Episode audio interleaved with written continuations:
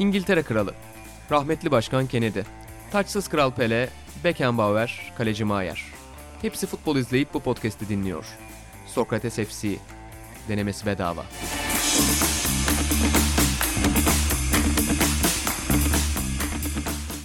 Sokrates'ten herkese merhabalar. Sokrates FC'nin yeni bölümüne hoş geldiniz. Ben İnan Özdemir, Ratan Altınordu ve İlhan Özgen'le birlikte Sokrates derginin yeni sayısını hazırladığımız bu günlerde sizlerin karşısındayız. Bugün birbirinden ilginç konularımız olacak ya da birbirinden ilginç olmayacak tabii ki karar sizin muhabbetin akışına göre.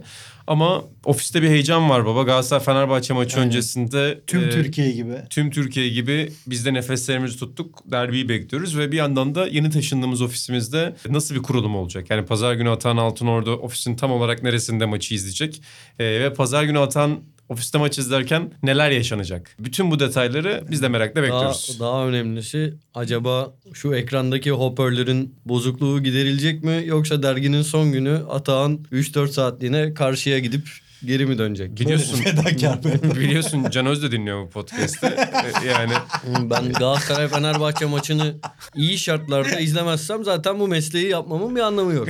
anladım. Patron da bu durumu Ben derginin açılışında şey hatırlıyorum. İlk sayıda yanlış hatırlamıyorsam bir Galatasaray Fenerbahçe maçı vardı. Bak, Hatırlar mısın? IGB'nin 1992'den beri bu maçları izliyorum. Yani yakın dönemi çok izlemiyorum da izlerim. Ben öyle bir derbi izlemedim. ben hatırlamıyorum. Derbiye dair hiçbir şey hatırlamıyorum ama Atahan'ı 90 dakika Onur'la ikimiz izlemiştik. Ben hatırlamıyorum. Acib'in pasajındaki Gerçekten. ofisimizde e, işte toplu ekip olarak maçın başına kurulmuştuk ve sen bir yerde ayağa kalkmak ve heyecanlanmak suretiyle televizyonu kırıyordun. Öyle mi? Az kalsın yani çok Bu ciddi. Bağış abinin şapkasını falan alıp öyle şeyleri de var. Bağış abiyle yan yanaydınız. Tam uçan Barış kuş abinin şapkasını mı çıkardın? İşte öyle bir şeyler falan yaptın. tam uçan Kızım. kuş TV'nin video yayınlayacağı bir maç performansıydı. Yani İbrahim Tatlıses ve İdobay ekibi Ya- maç izliyor. Şey falan mı yaptım? Şaka yaptın tabii de. gü- Güzel gol oldu. Bu gole şapka Yok gol kaçınca falan mı yok dedin? gol Gol. kaçınca. Zaten çok gollü bir maç olmadı. Küçük bir Ben maç kaç kaç bitti falan hiçbir şey Ben de hiçbir şey hatırlamıyorum. çok küçük bir şey anlatacağım. Galatasaray dergisinde çalışırken patronumuz Mehmet abi böyle topluca ekip olarak bir maç izliyorduk.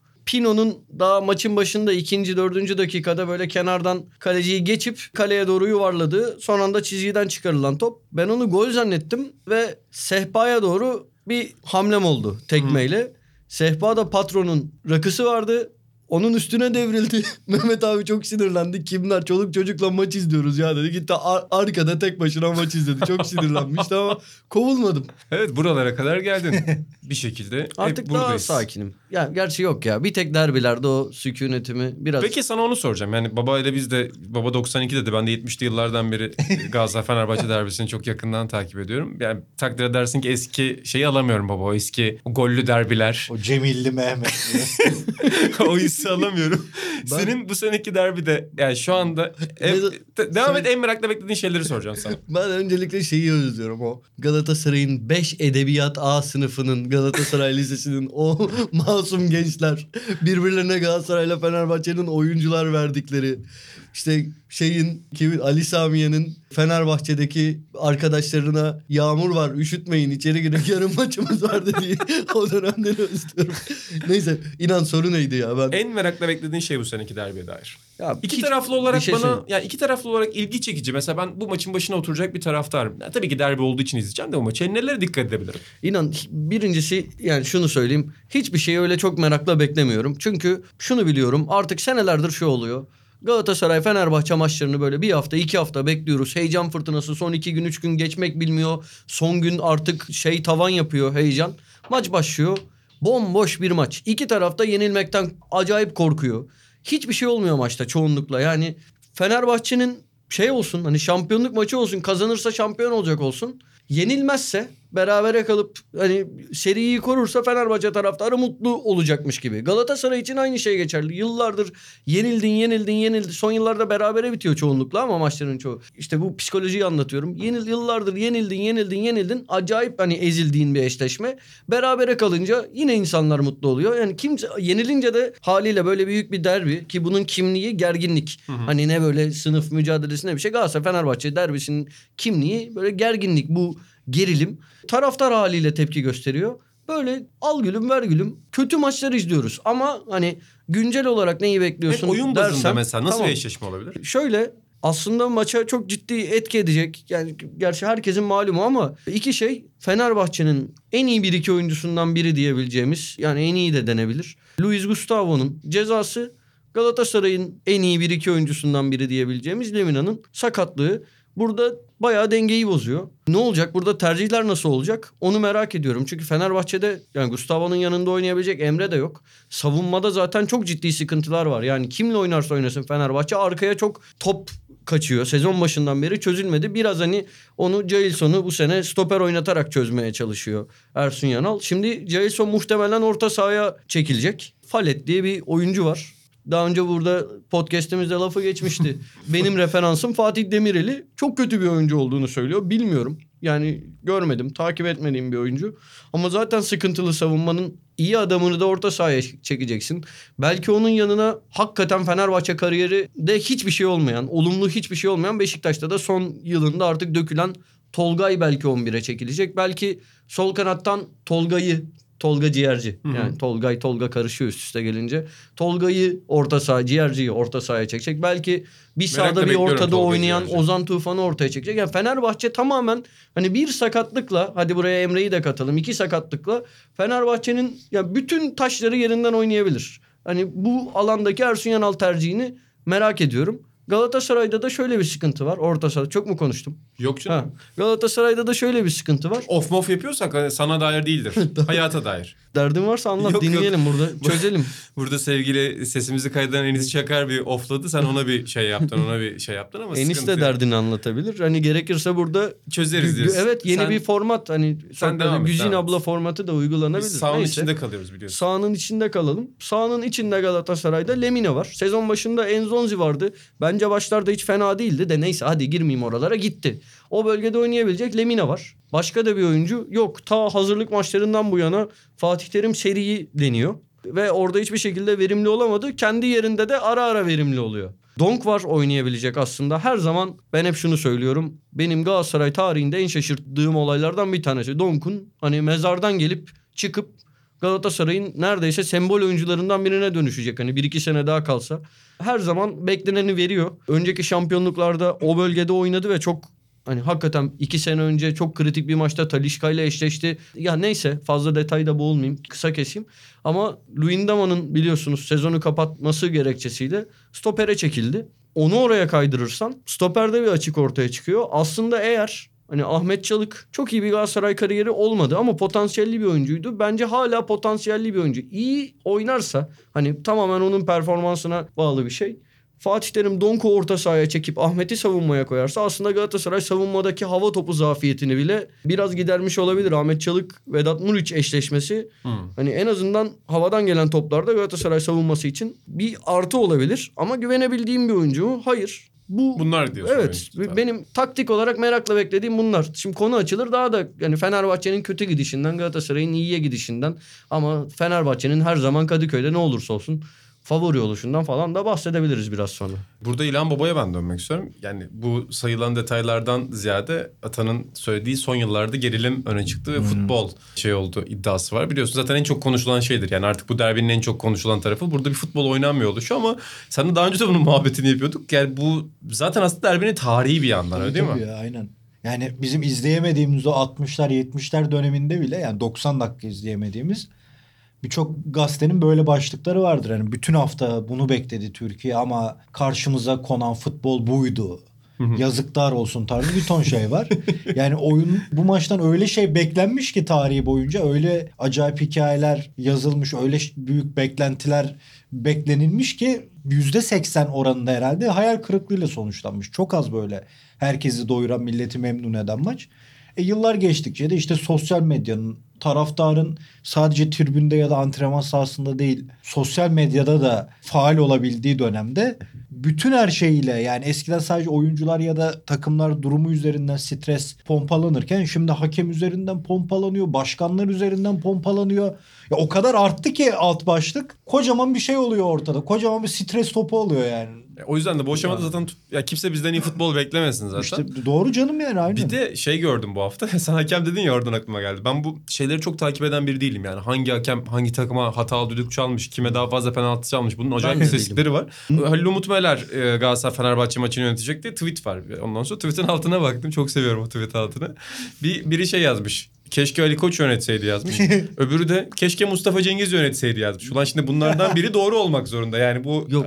Hani biri doğru olmak zorunda ama çok ilginç. Hakikaten tepkilere de baktım. Belki 50-50 değildir. 60-40'tır. 40-60'tır. Şu anda hatırlamıyorum ama iki tarafta e, rakip formalı oyuncunun ya da rakip formalı başkanın maçı yöneteceği kanaatinde taşıyor. Hakikaten çok acayip.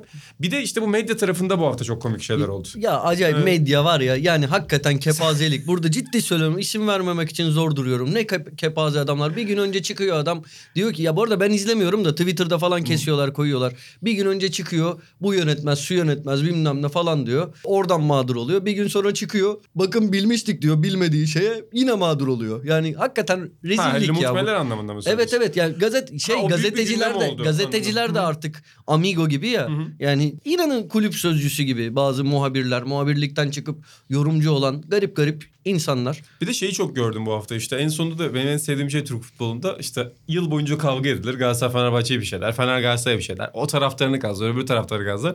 Mustafa Cengiz de Ali Koç'un tansiyonu düşüren açıklamaları vardı. işte Fenerbahçe büyük bir camia, işte rakibimiz Galatasaray büyük bir camia dedim. Yani budur işte. Dostluk. Derbinin dostu budur. Bu arada bir şey söyleyeceğim. Bence Ali Koç'un genel çizgisi de bu değil. Yani Ali Koç da sürekli bu benim sevmediğim tarzda. Daha önce Galatasaray yönetimleri de yaptı.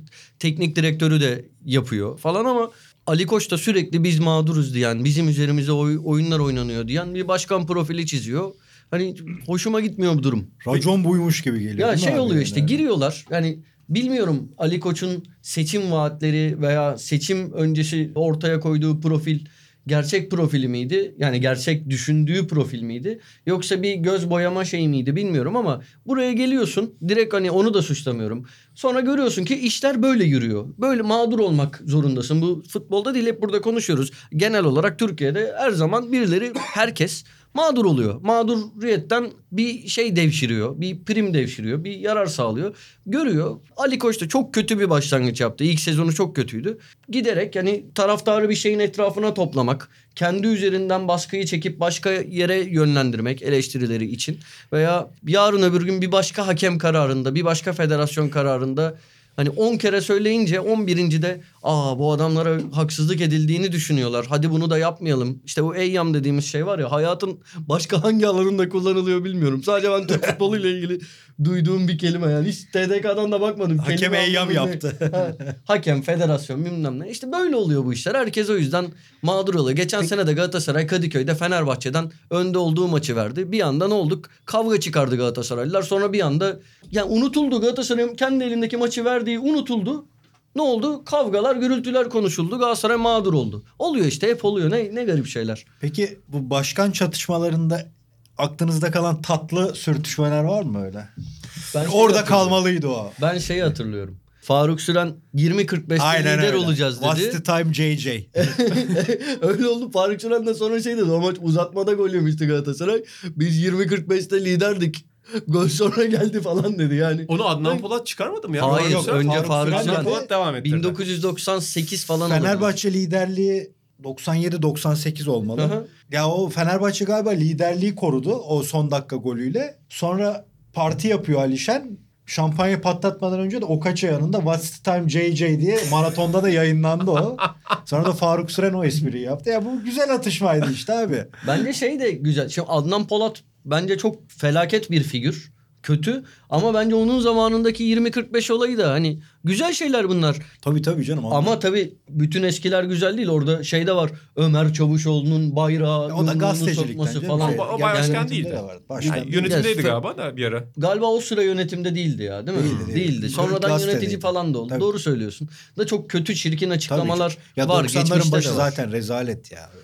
Az buz değil yani. Şimdi romantizmini yapmayalım. Peki baba Ama burada... Alişen Faruk Süren güzeldi. güldürdü Size o zaman son bir soru soracağım. Şimdi Galatasaray Fenerbahçe derbisinin olayı budur diyor. Şimdi Türkiye'de şeyi tartışmayalım. Yani çok zaten klişedir artık. bu İşte Beşiktaş Fener daha güzel olur. Trabzon şu daha güzel olur falan. Dünyada bu tip ismi büyük olan derbiler arasında gerçekten futbolunu çok sevdiğiniz bir derbi var mı? Hep çok güzel maç oluyor dediniz.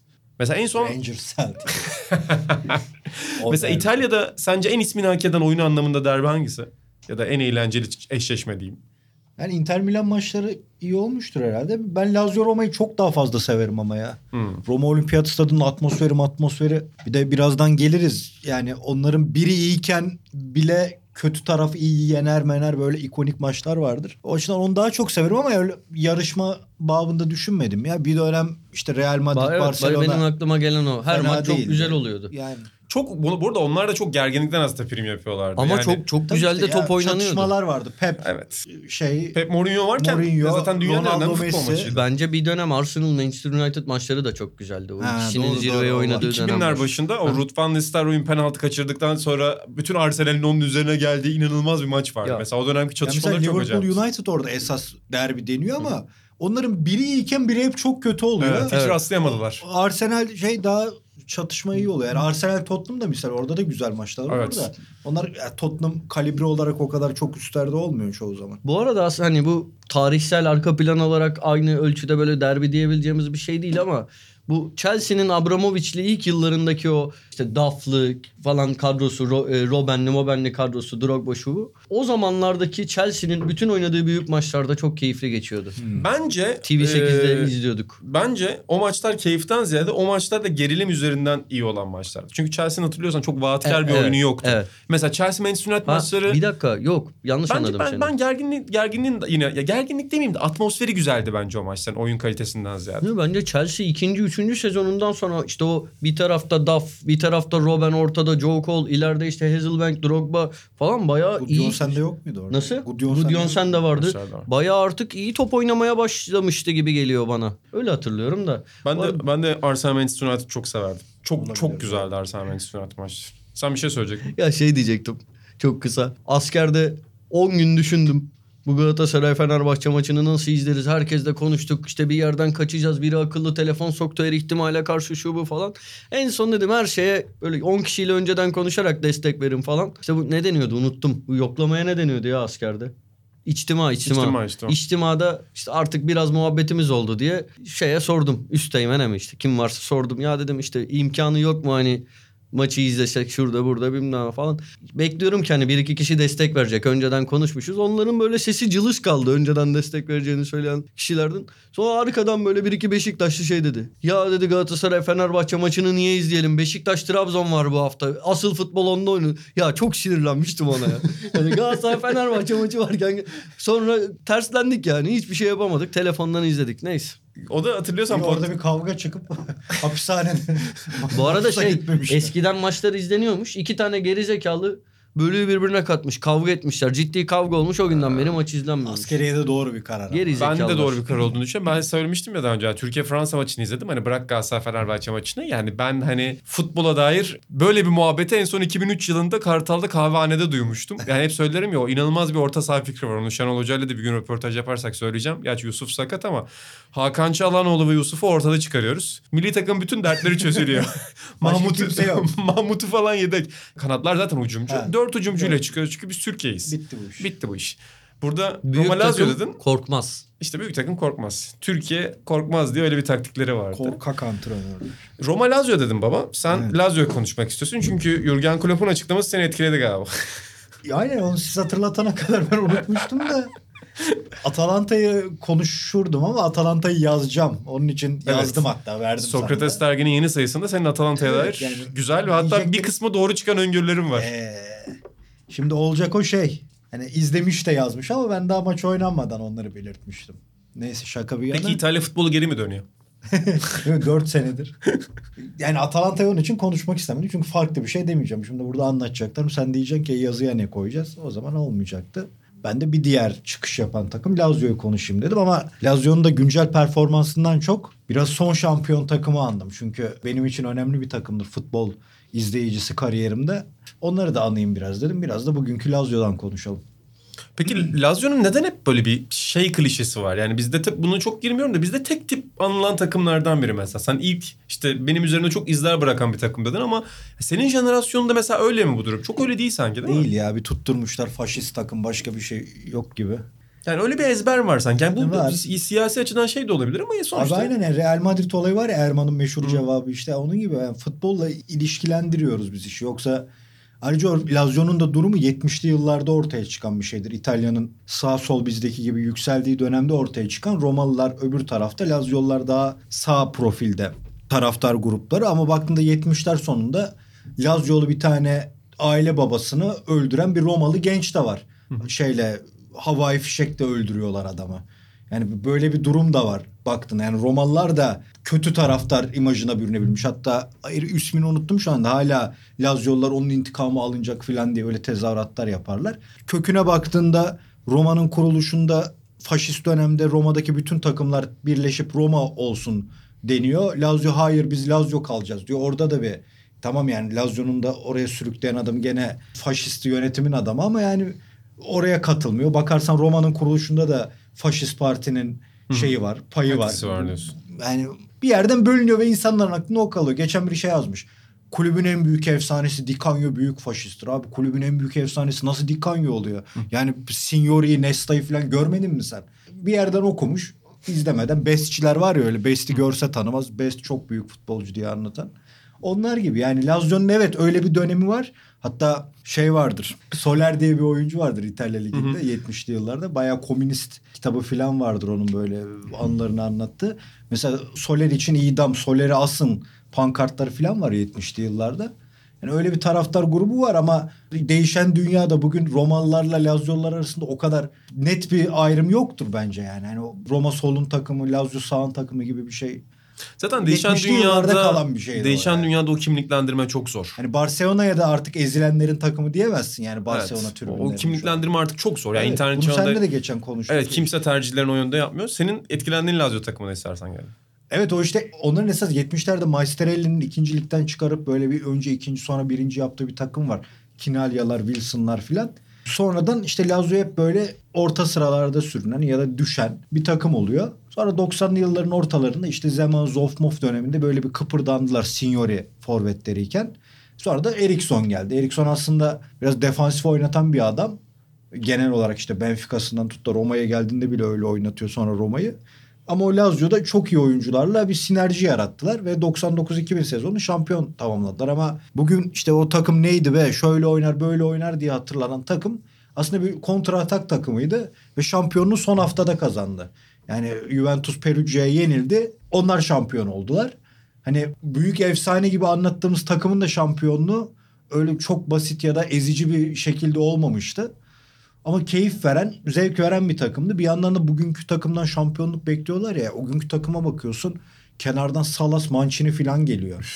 Yani hani o kadronun ne kadar önemli olduğunu gösteriyor. Tamam İtalya'da o zaman birçok takımın kadrosu çok iyiydi ama gene şampiyonla oynayacaksan kenarda bu tip adamların gelmesi önemli. Bugünün Lazio'sunda muhteşem gidiyorlar. Keşke Inter'le Juventus aşağıda olsa Lazio ile Atalanta 1-2 olsa oynadıkları futbol açısından. Ama ya, bilmiyorum Nisan'da filan olay nereye gider çünkü çok dar kadroları var. Yani Alberto ile Immobile grip olsa herhalde oynamadıkları maçların hepsini puan kaybıyla kapatabilirler. Ama İtalya kısıtlı. Ligi için herhalde Lazio Atalanta 1-2'si çok iyi olur değil mi? Ha, senin gibi seyirciler için özellikle. senin gibi bakanlar hem için. o açıdan iyi olur hem de mesela Atalanta onun bir adımını attı. Ben açıkçası hiç umutlu değildim Şampiyonlar Ligi'nde. Çok kötü başladılar çünkü. Olmayacak diyordum. Hatta bir arkadaşla programda yorum yazdığında öyle yazmıştım ama çok iyi toparlanıp Şampiyonlar Ligi'nde tur atladılar ve Valencia maçı muazzamdı hakikaten. Hakikaten muazzam. İlk Ya ben canlı izlemedim ama hakikaten muazzam. Dortmund maçı öyleydi. Yani o takımların Avrupa'da bir şey göstermesi çok önemli. Bence o ufak takımların oralardaki güç gösterisi bir ligin, bir ülke futbolunun yerini çok belirleyen bir şey. İspanyollar şimdi Real Madrid, Barcelona, Atletico Madrid diyoruz bir yandan. Bir yandan Sevilla, Bilbao gibi takımlar Sevilla UEFA Kupası'nı mahvetti abi bir dönem yani. Onlar önemli. Mesela Lazio bunu beceremiyor. Avrupa'da o kadro yüzünden çok herhalde riske girmek istemiyorlar. Ama Atalanta yani Şampiyonlar Ligi'nde de onu yaparsa dediğin gibi bence o daha da kıymetli ligden. Sen işte bizim e, bu 2010'lar sayımıza yazmıştın. O İtalya Ligi'nde Juventus dominasyonuna Hmm. dair. Hani ya sonuçta böyle bir takımın çıkması hakikaten önemli ve senin söylediğin şey de çok önemli. Yani İspanya futbolunun altın çağını Real Madrid, Barcelona, El Clasico'dan ya da Avrupa Şampiyonası, Dünya Kupası'ndan alabilirsin. Ama Sevilla'nın sürekli UEFA'yı domine etmesinden de alabilirsin. Ve Sonuçta- devamlı oyuncular göndererek bir çıkış noktasıydı yani neredeyse birçok Evet. oyuncu. Yani Sevilla'dan oyuncu almak neredeyse gelenek olmuştu. O açıdan önemli gizli şeyler var orada yani. Hakikaten de güzel bir 1-2 olur öyle olursa. Çok az konuyu dağıtıp İlhan'a ufak bir nostalji daha yaptırabilir miyim? Tabii ki. Demin dedi ya Perugia Juventus'u yendi diye. Herhalde 99-2000 sezonu o. O Perugia kadrosu çok güzeldi. Bir kere Efsane. Ferucci'dir. hakikaten öyle. Perugia'nın Ma- Perugia olduğu yıllar. ya benim başka Perugia'nın ba- Perugia olduğu başka bir yıl bilmiyorum ama Kesin vardır. Ee, Var, ya var. vardır. 70'lerin İlhan sonları bilir. var. Ne yapayım ben bilmiyorum. Yanlışım yoksa Materazzi var Evet. savunmada. Kaptan o olması lazım Ee, hatta. Şey var. Amoruso var. İbrahim Bağ var da ne kadar verimli bilmiyorum. Onu böyle şeyden hatırlıyorum. CM, CM'den hatırlıyorum onu. Ee, benim çok beğendiğim gerçekten daha sonra Galatasaray'a gelsin de çok istemiştim. Jardel karşılığında Porto'ya gitmiş olsa Aleyniçev vardı. Dimitri Aleyniçev. Böyle o da şey böyle teknik on numaralardan bir tanesi. Nakata var ve asıl adam Rapayic var. Aynen öyle. Yani Juventus'u Milan da Rapayic ağlatmıştı. Yani- Acayip oyuncuydu. Perugia'nın Rekoba'sıydı. İster miydin Hacı'den sonra size gelsin? Ya istemezdim yani Niye? şey yok. Ben ya zaten rakip- ben Revio'yu çok istedim. Allah geldi. Allah. İlk tabii geldi. Acayip ilk, bir ilk maç. maçında hakikaten Bursa Spor Bursa değil mi? Evet. Hiç unutmam ben de o maçı. Abi bence. Rapayic Revo'dan bayağı iyi oyuncuydu ya. Rapayic çok iyi oyuncuydu ya. Olabilir. Bilmiyorum ya çok iyiydi de o böyle daha ya Rapa işte şey havası vardı. Gece iki tek atmış böyle. İliçiç, Bak- İliçiç işte.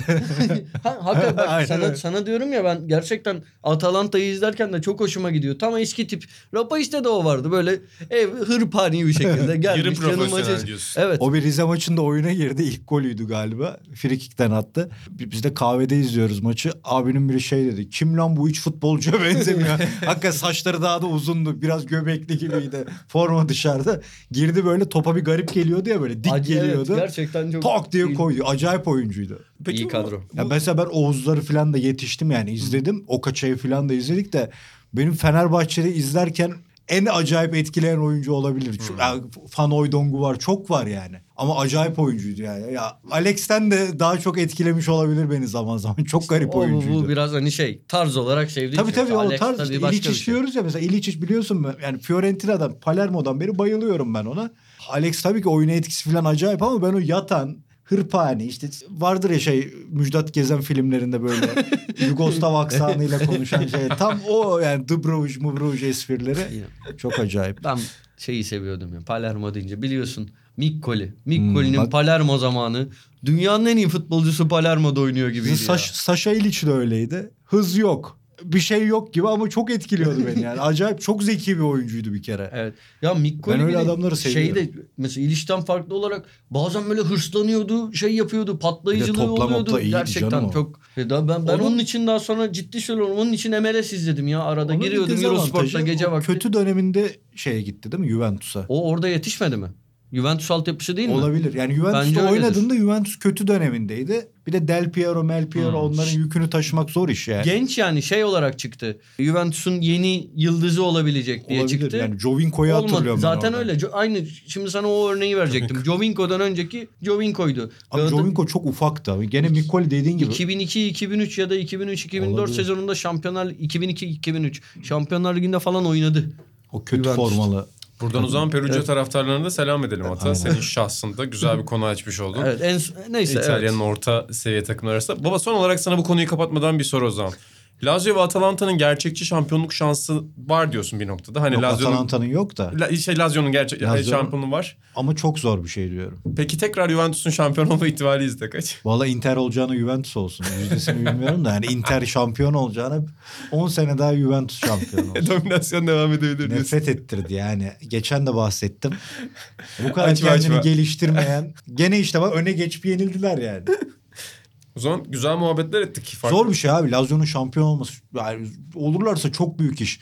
99-2000'den çok daha büyük iş yaparlar. 99-2000 abi. Ya benim Baresi'den sonra gördüğüm en büyük savunmacı vardı orada. Van Dijk, Van Dijk yapma yani. Nesta inanılmaz bir savunmacıydı. Yani o oynuyordu. Sonra Mihailovic defans oynuyordu. Yanlış hatırlamıyorsam 7-8 golü vardı. Yani 35 metre içine girdiğin anda gol atma ihtimali vardı frikikten herifin. İnanılmaz bir etkiydi. Matias Almeida, Simone, Veron orta sahaya bakar mısın yani? Ha şimdi Milinkovic, Savic'i, Alberto'yu övüyoruz da bunların kalibresinde adamlar değil onlar o kadar da. Bir de Nedved, Stankovic. Bir de futbol dünyası artık çok o anlamda buna izin vermiyor. Tabii, yani tabii. yani Leicester çok istisnai bir şey. Spor dünyasında bundan sonra bu tip istisnaların çok olması ne Aynen kadar az öyle. olduğundan bahsettik. Sene başta Jonathan Wilson'ın yazısı üzerinden konuşmuştuk. Son konuda biraz daha sosyal bir şeye geçelim isterseniz. Az önce biraz taraftar kimliklerinden başka bir konuya geçmiştik ama onu gelecek ayda konuşuruz. Senin bir konun daha var Ata. Bu hafta sana çok konu verdim. Ben onu sana verdim. Senin Tamam konun sen olarak. konuyu aç biz devam edelim. Ben daha önce de bu tür konularda çok sinirleniyordum ya da üzülüyordum yerine göre, duruma göre. Bu hafta da aynı şeyi gördüm işte Porto maçında. Golü attı Marega. Evet, Marega ırkçı tezahüratlara uğradı.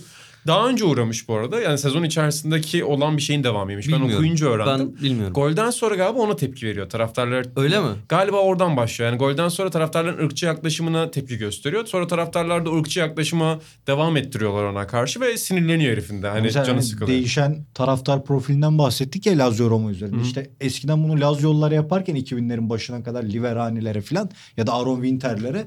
Şimdi neredeyse İtalya'da her takım şeyinde bunu görüyoruz yani. Hani sadece Lazio'lulara mal edilecek bir şey olmuyor artık bu.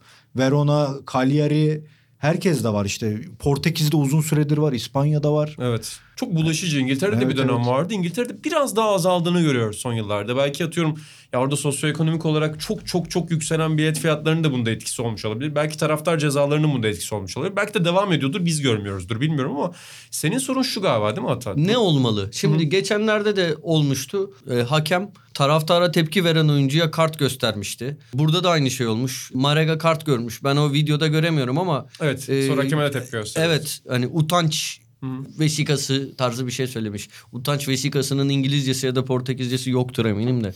Bu anlama gelecek bir şey söylemiştir. Ya söylemiş. Şimdi cümle aklımda değil. Burada ne olmalı? Ce- Cezası ne olmalı? Bunun üzerine düşünelim istiyorum. Çünkü şimdi Bir kere şey çok kötü bir görüntü. Marega dışarı doğru çıkarken Evet. bütün takım arkadaşlarının kolundan tutması çok kötü görüntü. Bak birinci garip. olarak benim yani burada insan psikolojisine dair. Tabii ki orada terli adrenalinli oyunculardan bahsediyoruz. Sahanın verdiği şey. Biz halı sahada bile birbirimize nasıl giriyoruz yani. Bunu 50 kere gördük ondan sonra. Ama ne olursa olsun şunu kabul etmek lazım. Yetişkin bir insanın kolundan çekerek sağda kalması gibi bir şey söz konusu değil abi zaten. Onun yani insan psikolojisinden biraz anlayan biri bir de şey var ya sıraya giriyorlar. Ulan zaten senden önceki 6 kişi herifin kolundan çekmiş herif dışarı çıkmak istiyor. Sen ne yapabilirsin 7. olarak yani? Çok sinirlendim o görüntüyü görünce. Ben de öyle. Hakemin kartına da sinirlendim. Kural ne diyorsa desin. Hani kural ne onu da bilmiyorum da. Ne olmalı sence inan? Şimdi şey desen.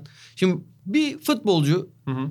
ırkçı saldırıya uğradığı anda eğer isterse sahayı terk etmek en doğal hakkı. Doğru mu? Yani Evet. bunu şey diye Burada terk açıklayamayız. ettiği için kart görmüyor galiba. Tribüne tepki gösterdiği için kart Fark görüyor. Sonra- etmez. ne Evet, olursa olsun isterse neyse ee, dikkatli konuşayım. Bunu şey diye açıklayamazsın hiçbir şekilde. Ya kardeşim milyon eurolar alıyorsunuz bırakın da bunu falan Yok, böyle açıklayamazsın. Hı hı. Şimdi eğer oyuncu sahayı terk ediyorsa taraftar rakip takım taraftarı amacına ulaşmış oluyor. Kendine bir avantaj sağlamış oluyor. Bu durumda bir yandan diyorum ki o zaman hani şey olsun bunun cezası hükmen mağlubiyet olsun diyorum.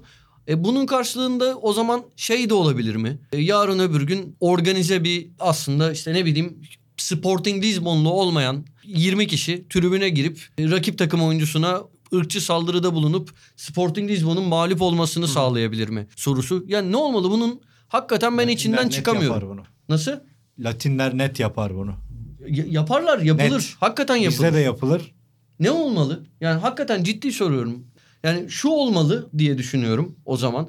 Bireysel olarak bunu yapıp yakalanan insanları hakikaten caydırıcı, hapis, artık neyse çok büyük para cezaları gibi şeyler verilebilir ama tribünde öyle bir ortam da yok. Tribün öyle bir yerde değil. Ne dersiniz? Ha ben hakikaten düşünüp de içinden çıkamadığım için. Ya ben bunun açıkçası futbolda bir çözümünün olduğuna inanmıyorum. Yani toplumsal bir konuya futbolda çözüm bulmak imkansız. Çünkü yani sonuçta toplumsal bir şeyin karşılığı ve bunun tekrar artmasının da çok kendi içinde mantıklı olduğunu düşünüyorum. Yani futbolda ırkçılık her zaman vardı. İşte eskiden biz o CM'nin başında görüp Let's Kick Racism Out of Football'u görünce falan işte böyle tribünler biraz modernleşince bu iş gitti sanmıştık ama yani sonuçta toplumsal olarak şu anda dünyanın her yerinde tekrardan ırkçı partilere ve sağ partilere verilen oyun arttığını görüyoruz. O yüzden toplumsal olan bir şeye bence futbolda cevap bulabilmek çok kolay değil. Ama Marega gibi oyuncuların tepkisi son derece haklı olmakla birlikte burada birinci sorumluluk tabii ki takım arkadaşlarının yaptığı hatada. İkincisi de bence ne olursa olsun oyuncularla tribünlerin birebir diyalog kurmasını engellemek gerekiyor. Yani Marega'nın orada tribüne gidip tepki göstermesi çok haklı olsa da kendisi için tehlikeli bir şey aslında. Aynen.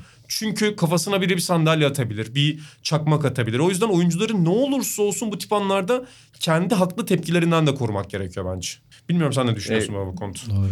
Bir şey diyeceğim ya mesela şimdi bilmiyoruz da ya takım arkadaşları bunun için onun karşısına geçiyor. Gerçi öyle bir görüntü yok da. Ya takım yarın- arkadaşlar bence devam et. Hani Evet. sahada gösterelim diyor. Sen Dözay örneğinde anlatmıştın değil mi bu onu? E, ne- neydi tam olarak adı? Ya işte İtalya'da o işlerin hani ırkçı Lazio diye kalmış ya insanların aklına. Adam misal Juventus'u tutuyor, ırkçı Lazio diyor. Abi yani Juventus'ların Napoli'lere yaptığı tezahüratlar Napoli yani aynı ülkeden insanlara yaptıkları inanılmaz ama adı kalmamış. Lazio'nun kalmış. Biri okumuş ırkçı diye bir şeyi. Ya İtalya'da birçok takımın bu sorunu vardır. Onu anlatmaya Veya şöyle çalışıyorum. olmuştu. Lazio ırkçı değil demiyorum. O zaman mesela şeyde İtalya'da işte Winter'lerin, Paul Ince'in yaşadığı Inter'e geldiğinde var çok. Winter'in Lazio'da var. 80'lerin sonunda o çok yabancı geldiği dönemde siyahi oyuncular artık yavaş yavaş geliyor. Ve Dözay da onlardan biri. Dözay Udinese maçı olabilir, yanılıyor olabilirim. Bu arada az önce Rapaiç olaydı ya Siirt maçı ya Rize maçıydı misal. Oralarda yanılıyorsam özür dilerim. Bir Udinese maçında gene böyle bir şey yaşanıyor. Ve Dözay de sağdan çıkmak istiyor. Sonra Maldini diyor ki bunlar seni sağdan çıkartmak için onu yapıyor zaten. Irkçı olup olmadıkları için değil. Bir oyuncuyu saf dışı etmek istiyorlar ve böyle bir yöntem bulmuşlar. Sen futbolunu oyna.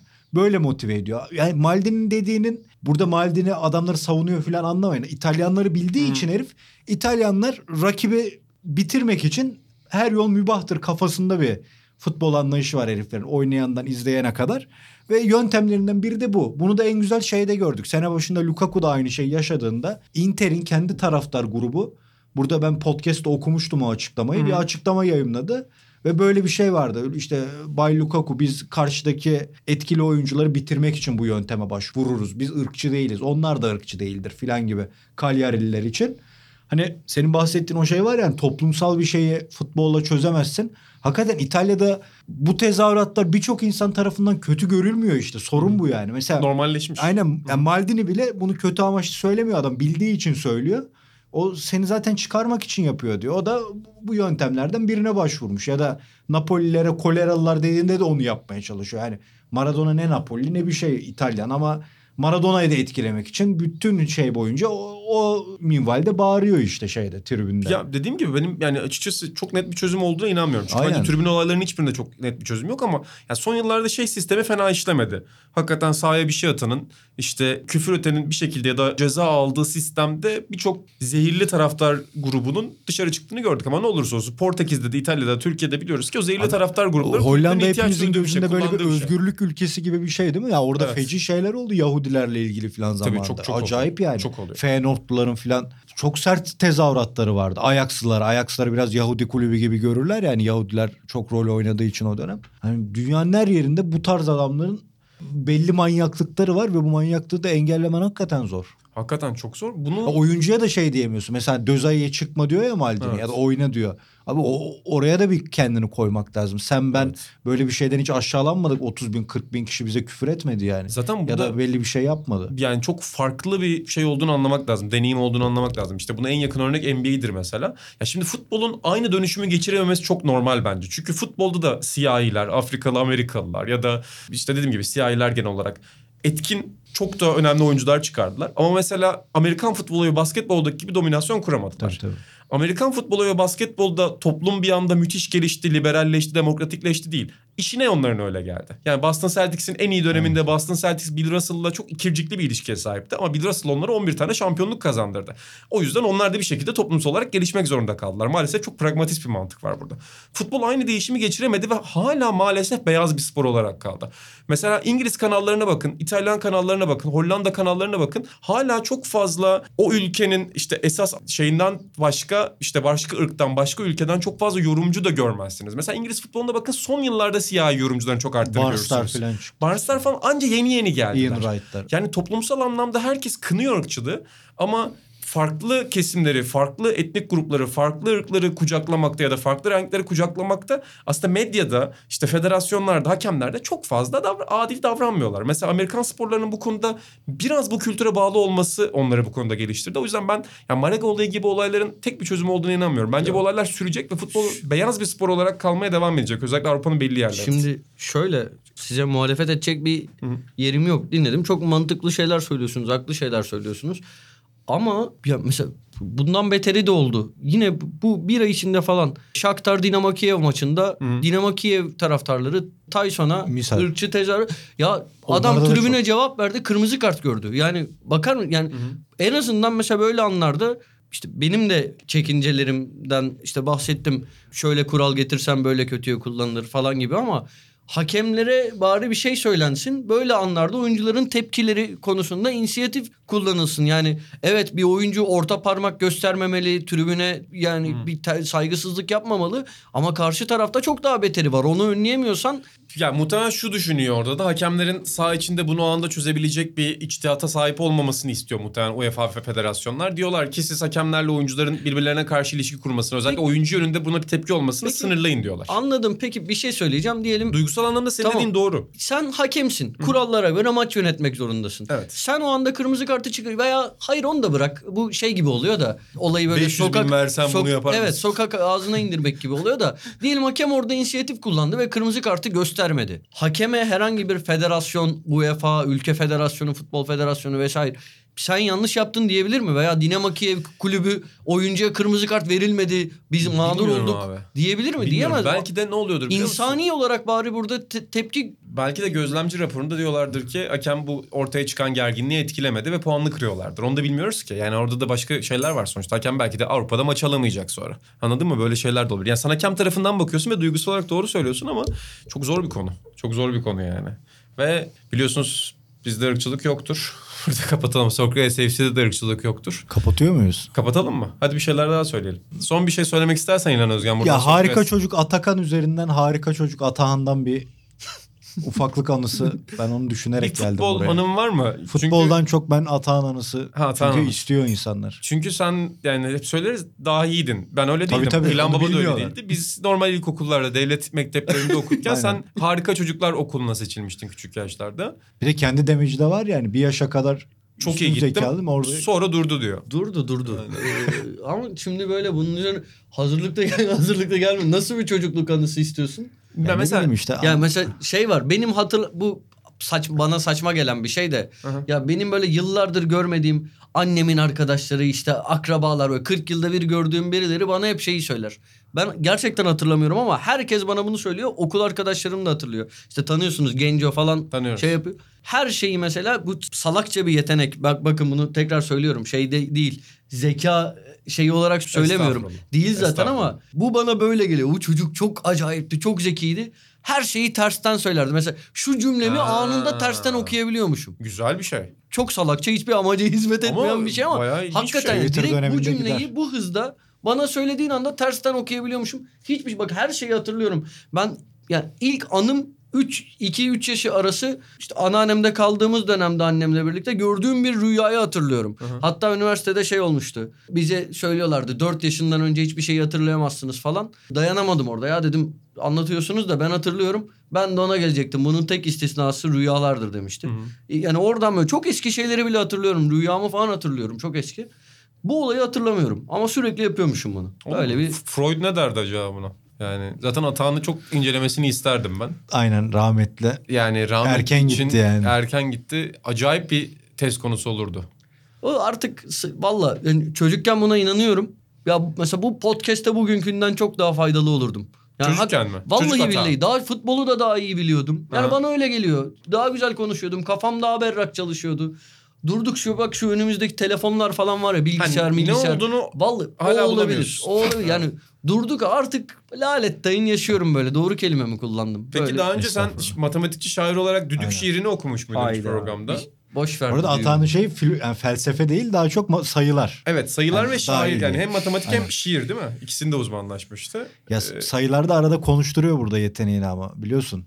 Böyle biz ufak zeka jimnastiği yapar. Ha evet. Şey soruları falan çözüyor ya. Ben- Ha ben şeylerde Benim çok anlamadığım, şeylerde çok başarılıyımdır. Öyle buraya gelen ya neydi şey abinin adı? ITC abinin Aynen. adı. Onlar böyle ufak matematik zeka soruları veya internette IQ testleri falan bunlarda çok Kaç başarılı çıktın oluyorum. internetten? Ya değişiyor. Bazen 141, bazen işte 135. Vaktiyle bir bilmem. gazete testi Değiş- vardı ya. Herkes değişiyor. 140 çıktı. Ulan ne zeki ülke. Ya de- değişiyor. Evet. Bunlar zaten şey değil. Ben de ablamlar yapmıştı. Dediler ki hepimiz 140 çıktık ya. Öyle bir şey de yoktu yani. Ondan sonra çok teşekkür ederiz zaten. Ya burayı keselim. Bu saçma sapan bir yere gitti. Ben hiç beklemiyordum. niye niye burada benden bahsettik? Benim suçum değil vallahi. Ben hiçbir Benim iddiam yok suçum. bu konuda. Ben İnan Özdemir, İlan Özgen ve harika çocuk Atahan Altınordu ile birlikte e, Sokrates FC'nin yeni bölümünde sizlerleydik. Gelecek programlarda yeni anılarla ve yeni futbol fikirleriyle karşınızda olacağız. Son bir şey söyle kapatalım. Son bir şey söyleyeceğim. Telefonuma bildirim geldi. Zaten dedikodusu vardı da. Denizli Spor'da Bülent Uygun dönemi. Umarım hayırlı sene sonunda olsun. burada Denizli Spor'un küme düşüşünü konuşuruz. Ayda. Kapatalım. Çok sert.